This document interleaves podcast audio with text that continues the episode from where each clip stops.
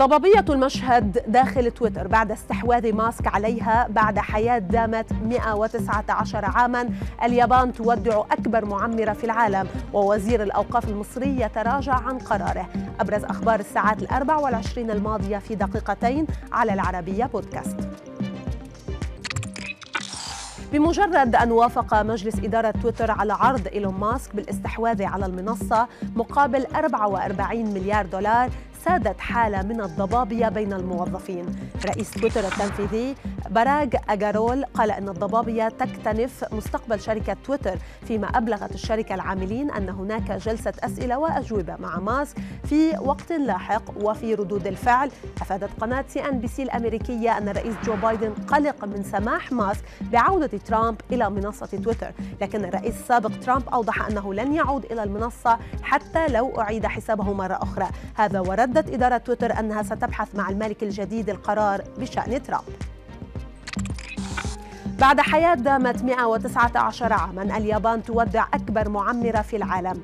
كاني تاناكا التي ولدت في الثاني من يناير من العام 1903 في منطقة فوكوا جنوب غرب اليابان. تمتعت بصحة جيدة نسبيا حتى وقت قريب. تاناكا عاشت في دار لرعاية المسنين كما أنها أدارت في السابق العديد من الأعمال بما فيها متاجر غذائية. وقبل وفاتها وبالتحديد في العام 2019 دخلت تاناكا موسوعة جينيس للأرقام القياسية كأكبر معمرة في العالم. بعد وفاتها عن عمر ناهز 119 عاماً.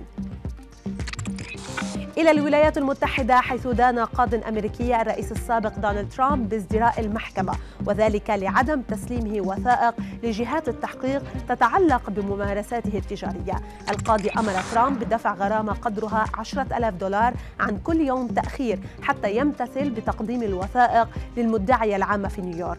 وكذلك طلبت المدعية العامة من المحكمة إدانة ترامب بالازدراء وذلك بعدما انتهت في مارس آذار الماضي مهلة ممنوحة له كي يقدم وثائق معينة.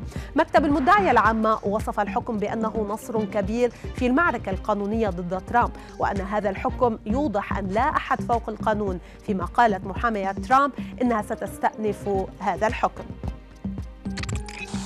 بعد موجة جدل في مصر تراجع وزير الأوقاف المصري عن قراره بمنع صلاة التهجد في المساجد دون الاعتكاف وذلك بعد الرجوع إلى لجنة إدارة أزمة الأوبئة في وزارة الصحة.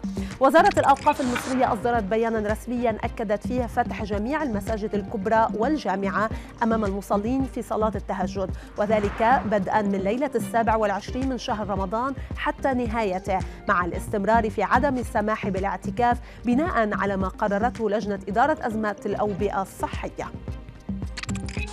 ونختم من ألمانيا حيث نشرت مجلة كومباكت الألمانية مقالا حذرت فيه من تأثير الجوع في العالم والذي ربما يطال نحو 100 مليون شخص في عام 2023 ووفقا للمقال فإن تعطل سلاسل التوريد بسبب الأزمة الأوكرانية سيؤدي إلى نقص في الأسمدة وحرمان المزارعين من القدرة على إنتاج محاصيل كافية مما قد يجعل العام المقبل 2023 يشهد واحدة من أكبر أزمات الغذاء في تاريخ البشرية. Bye.